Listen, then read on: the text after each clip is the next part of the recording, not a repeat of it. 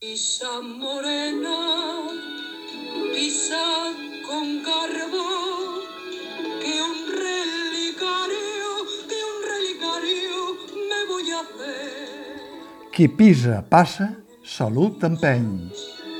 de mi capote que haya pisado, que haya pisado tan lindo pie. Hi ha dos pilars bàsics de l'estat del benestar i de la lluita contra la desigualtat social, l'educació i la salut. Precisament l'any 2023 s'ha acabat amb aquests dos pilars escardats i tocats per la tramuntana, no la que ve a ventades, sinó la que de cop i volta rep els embats de tota mena d'opinadors o no opinadors, la gran majoria dels quals no han trepitjat mai una escola ni s'han posat mai una bata blanca. Aquest pim-pam-pum ha posat sobre la taula una dinàmica que ja comença a ser habitual en la irada social. Desqualificar els professionals, en aquest cas, desqualificar el professorat, que hi posa les banyes, i desqualificar la professió sanitària, que hi posa més que les banyes. Això és un risc per a l'equilibri d'autoestima de qualsevol societat o qualsevol país que es vulgui autoestimar i fer valdre davant els altres. Arran de la crisi de l'informe PISA i de la marató sobre la salut sexual i reproductiva, s'han llegit i escoltat declaracions, per exemple, que en comptes d'analitzar què hi ha de real o no en l'informe PISA, s'han dedicat a esbandir les seves files i fòbies contra l'escola dels seus fills, els mestres o les mestresses dels seus fills o els mètodes d'ensenyament de les aules dels seus fills.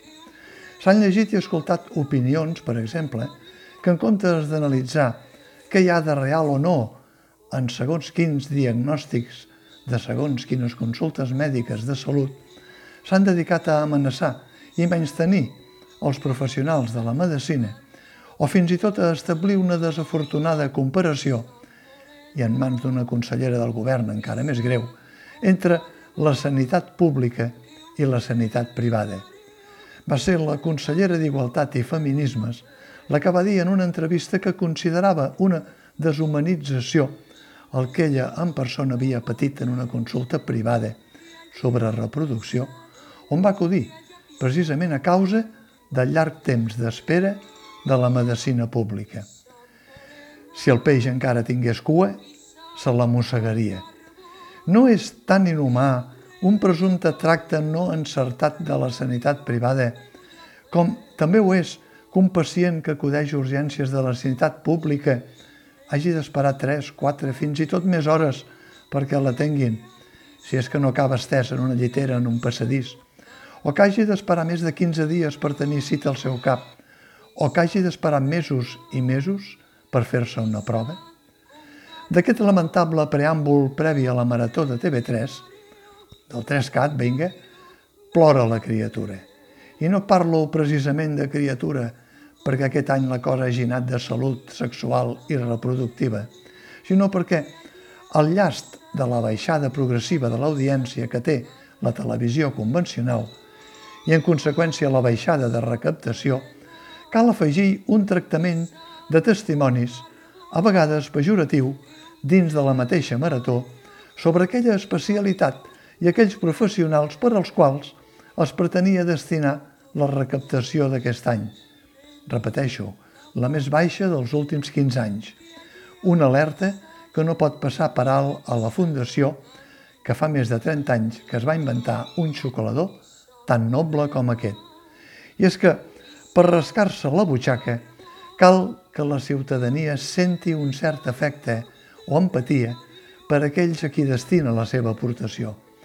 I qui parla de salut, parla d'educació.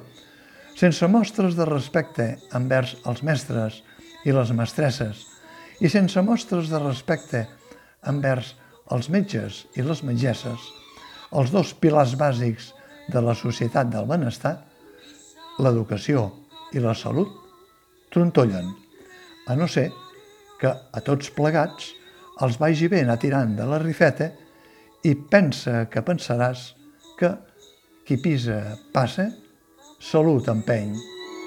Que haya pisado, que haya pisado tan lindo pie. Pisa morena, pisa con garbo,